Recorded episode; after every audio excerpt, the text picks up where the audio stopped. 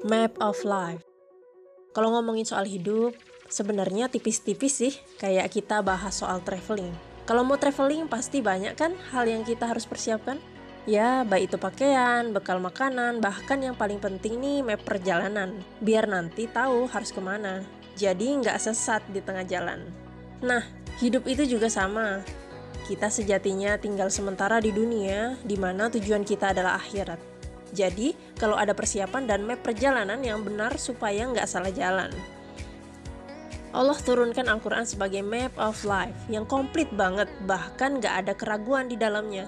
Sebagaimana Allah berfirman yang artinya, kitab Al-Quran ini tidak ada keraguan padanya, petunjuk bagi mereka yang bertakwa. Quran Surat Al-Baqarah ayat 2. Jadi, kalau mau sampai ke tujuan dengan aman berupa surganya, Allah gunakanlah Al-Quran sebagai petunjuk dan pedoman dalam hidup kita.